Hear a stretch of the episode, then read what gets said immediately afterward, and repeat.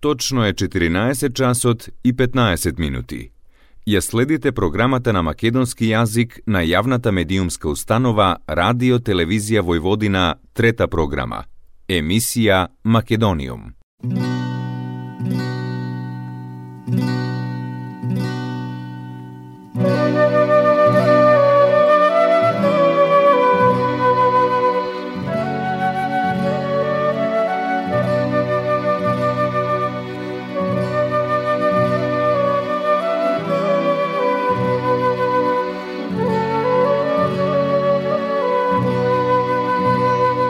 Добар ден и добре дојдовте во најновото издание на емисијата Македониум. Со вас, почитувани слушатели, вашиот уредник и водител Јулијана Милутиновиќ, секоја среда со почеток во 14 часот и 15 минути на фреквенцијата на третата програма на радиото при Радио Телевизија Војводина.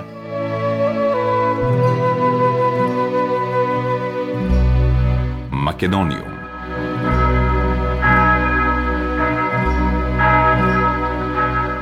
Празникот во чест на светите Кирил и Методи или Денот на сесловенските просветители е ден на светите солунски браќа Кирил и Методи, основачите на првата словенска азбука глаголицата. Тоа е денот кога е започната моравската мисија, а се празнува на 24 мај по ново или 11 мај по старо. Светите браќа Кирил и Методи се основоположници на македонската писменост и литература и се заслужни за културниот развој на сите словенски народи. Свети Кирил и Методи Солунски се родени браќа од Солун, од угледно и богато византиско семејство, татко Лав и мајка Марија. Постариот брат Методи како офицер поминал 10 години меѓу македонските словени. Потоа се оддалечил на гората Олимп и се предал на монашки подвиг. Овде подоцна му се придружил и Кирил Константин филозоф. Кирил и Методи, познати како солунските браќа просветители, имаат голема улога во словенската историја. Нивното дело ги описмени словенските народи. Не врне ли дожд од Бога еднакво за сите, а сонцето не грее ли исто така за сите? Зарем не дишиме воздух сите еднакво? Па тогаш како не се срамите да признаете само три јазика, а сите други народи сакате да бидат слепи и глуви? Ова е познатата реплика на Кирил во Венеција во одбрана на правото сите народи па и словените на свој јазик да ја изведуваат богослужбата, откако во Моравија биле оспорувани од германските свештеници. Тие ги обвинувале солунските браќа затоа што службата ја изведувале на словенски јазик, тврдејќи дека Божјото слово треба да се проповеда само на три јазици – еврејскиот, грчкиот и латинскиот. По нивната смрт, нивните ученици ја продолжуваат работата и дејноста помеѓу словените. Двајцата браќа се почитувани во Источната православна црква како светци со титулата еднакви со апостолите. Во 1880-та папата Лав 13 ја вовел нивната слава во календарот на Римокатоличката црква. Во 1980-та Јован Павле II ги прогласи за созаштитници на Европа заедно со Бенедикт Нурсиски. Токму поради тоа, вчерашниот голем македонски празник, Денот на сесловенските просветители, е еден од најсветлите празници за македонската историја, идентитет и јазик.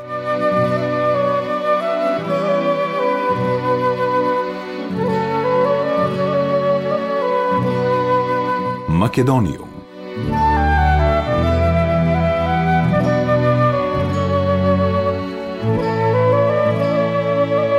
Денот на се словенските просветители браќата Кирил и Методи стана историски ден.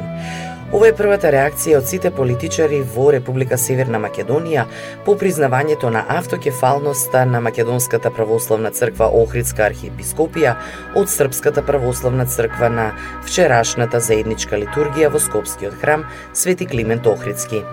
Председателот Стево Пендаровски со честитка се јави од Давос во придружба со неговиот српски колега Александар Вучиќ. Со председателот на Република Србија Александар Вучиќ на кратка средба во Давос заеднички ја поздравуваме одлуката на Српската православна црква за прифаќање на автокефалноста на Македонската православна црква Охридска архиепископија како чекор во вистинска насока, објави председателот Пендаровски на својата Facebook страница. Според него вчерашната одлука одлука на Српската православна црква ќе придонесе за исправање на историските неправди и отвора можност за нов и необременет духовен раст на Охридската архиепископија. Премиерот Димитар Ковачевски, кој вчера со владина делегација присуствуваше на чествување на словенските просветители во Рим, со видеопорака им честиташе на граѓаните за големиот успех. Голем е денешниот ден, историски, кога ги чествуваме светите браќа Кирил и Методи, да ја добиеме и автокефалноста на нашата држава, како рамноправна со другите, како признание за незиното наследство и духовната величина на древната Охридска архиепископија и како автентичен дел на македонскиот идентитет, изјави премиерот.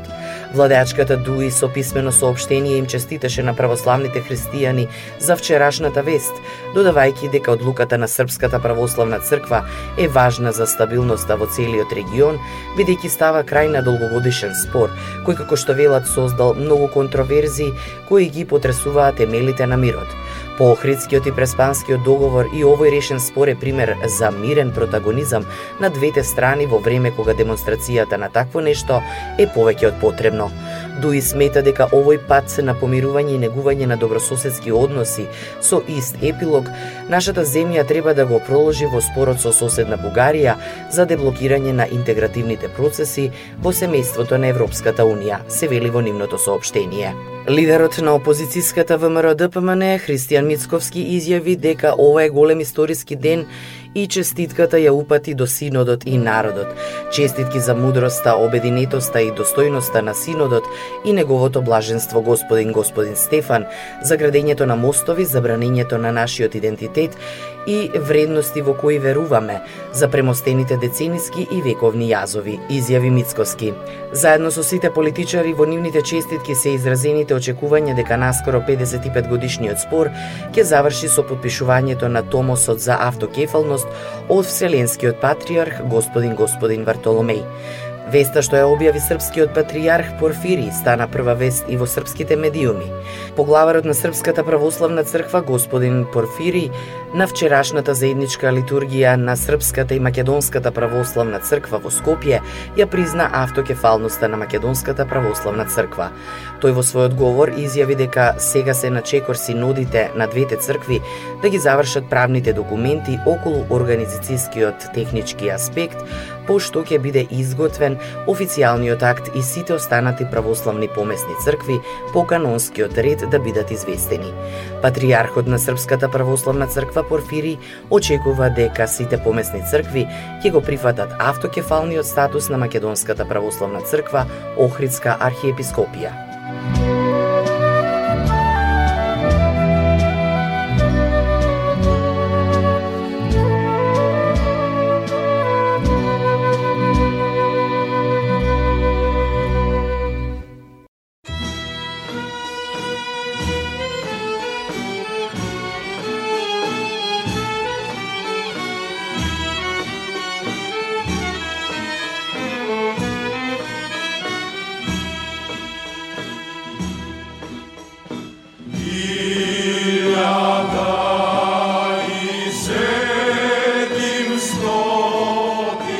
Jesus.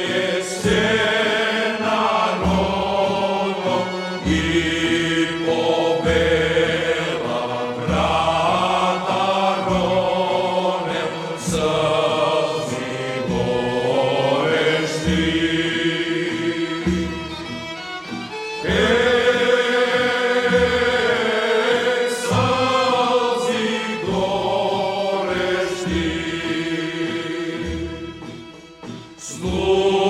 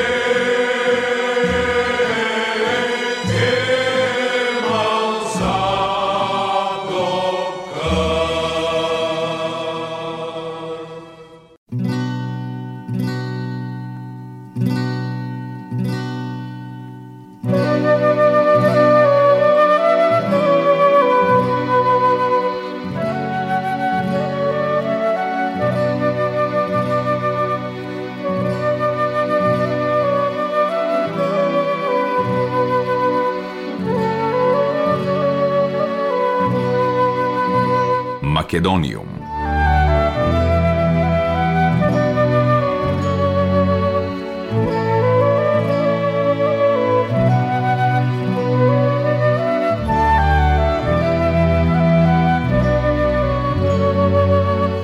Традиционално во мај месец се слават деновите на македонската култура во Србија. Сдруженијето на граѓаните од Македонско национално малцинство од Нови Сад Свети Кирил и Методи по 16 пат синоќа започна со одбележување на деновите на македонската култура во Нови Сад.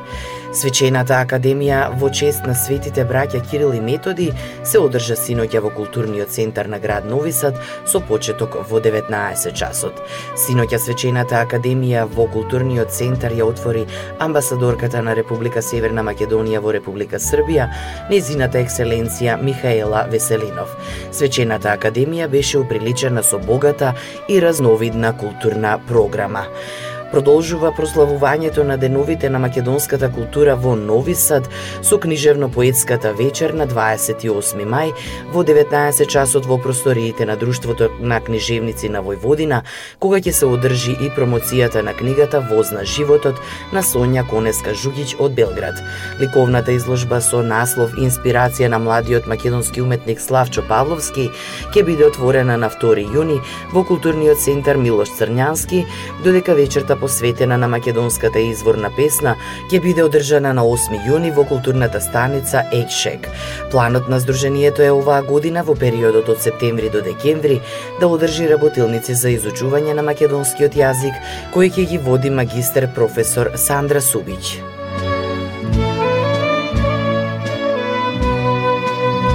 Македониум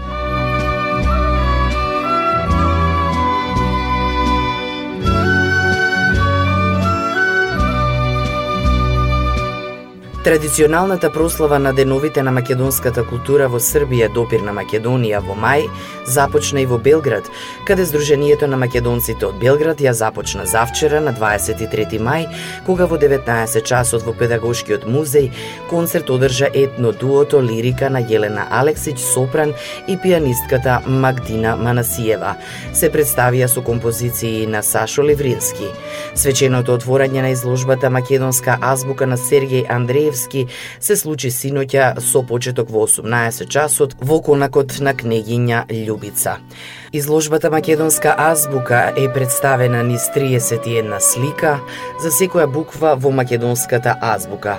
Оваа изложба е посветена на македонскиот великан Блаже Конески, а по повод одбележувањето на 100 години од неговото раѓање. Изложбата која е отворена до 29 мај ја отвори вајарот магистер Синиша Новески, а за значењето на сесловенските браќа говореше професор доктор Ѓорѓе Иванов. На истата оваа локација денес и утре ќе има промоција на стихозбирката Невино време на Иван Иванов во рамките на поетска вечер, како и проекција на филмот Манаки, приказна во слики на Роберт Јанкуловски. Актерско-музичкиот перформанс Возот на животот со Сонја Конеска Жугиќ и ансамблот Македониум ќе се одржи на 27 мај во Педагошкиот музеј со почеток во 19 часот, додека концертот на Билјана Камчева, флейта и сопран, со пијано придружба на Елена Силјановска и сопран придружба од Јелена Алексич ќе се одржи во конакот на кнегиња Љубица на 28 мај со почеток во 19 часот. Деновите на македонската култура допир на Македонија во Белград ќе завршат на последниот ден од овој месец со представата Разведиме на театарот Провокација од Скопје. Почетокот е закажан за 19 часот во театар 78.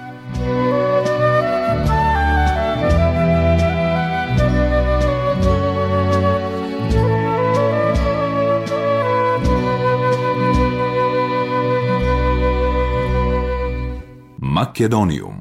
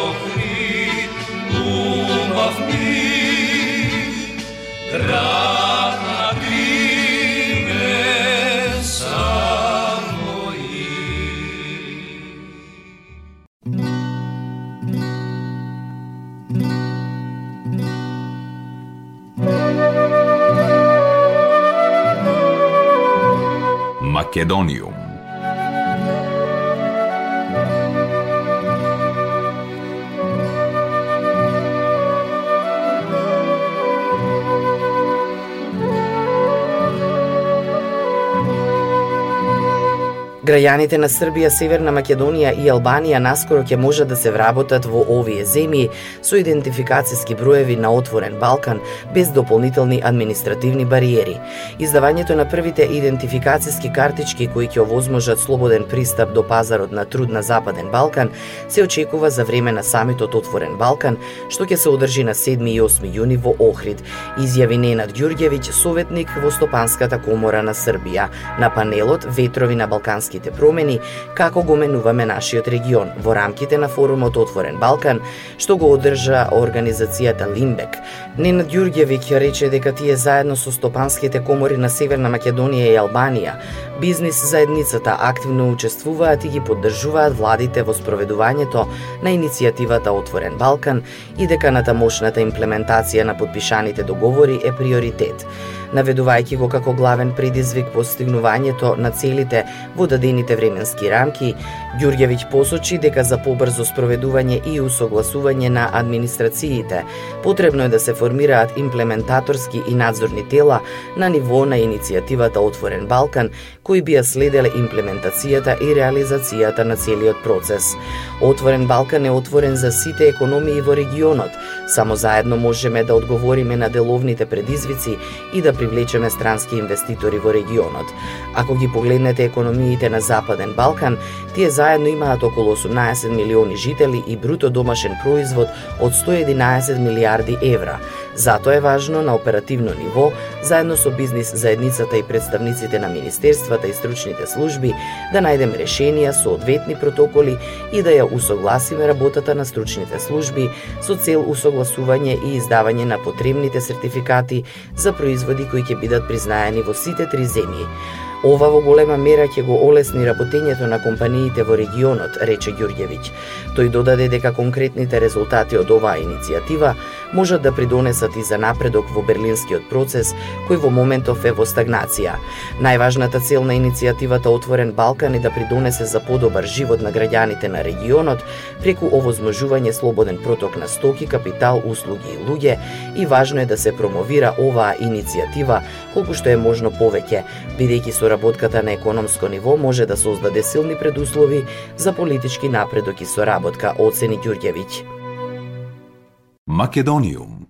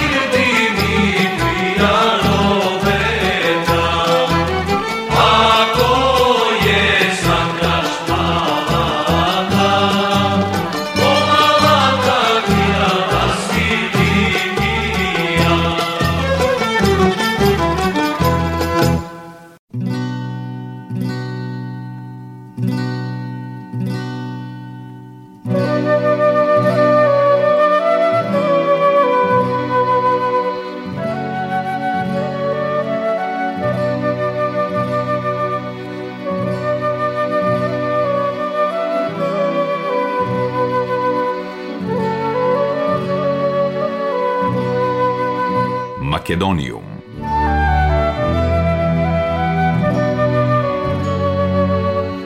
Почитувани слушатели, тоа беше се во денешното издание на емисијата Македониум.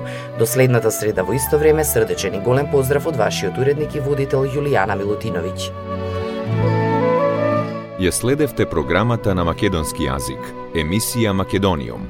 Главен и одговорен уредник Воин Поповиќ.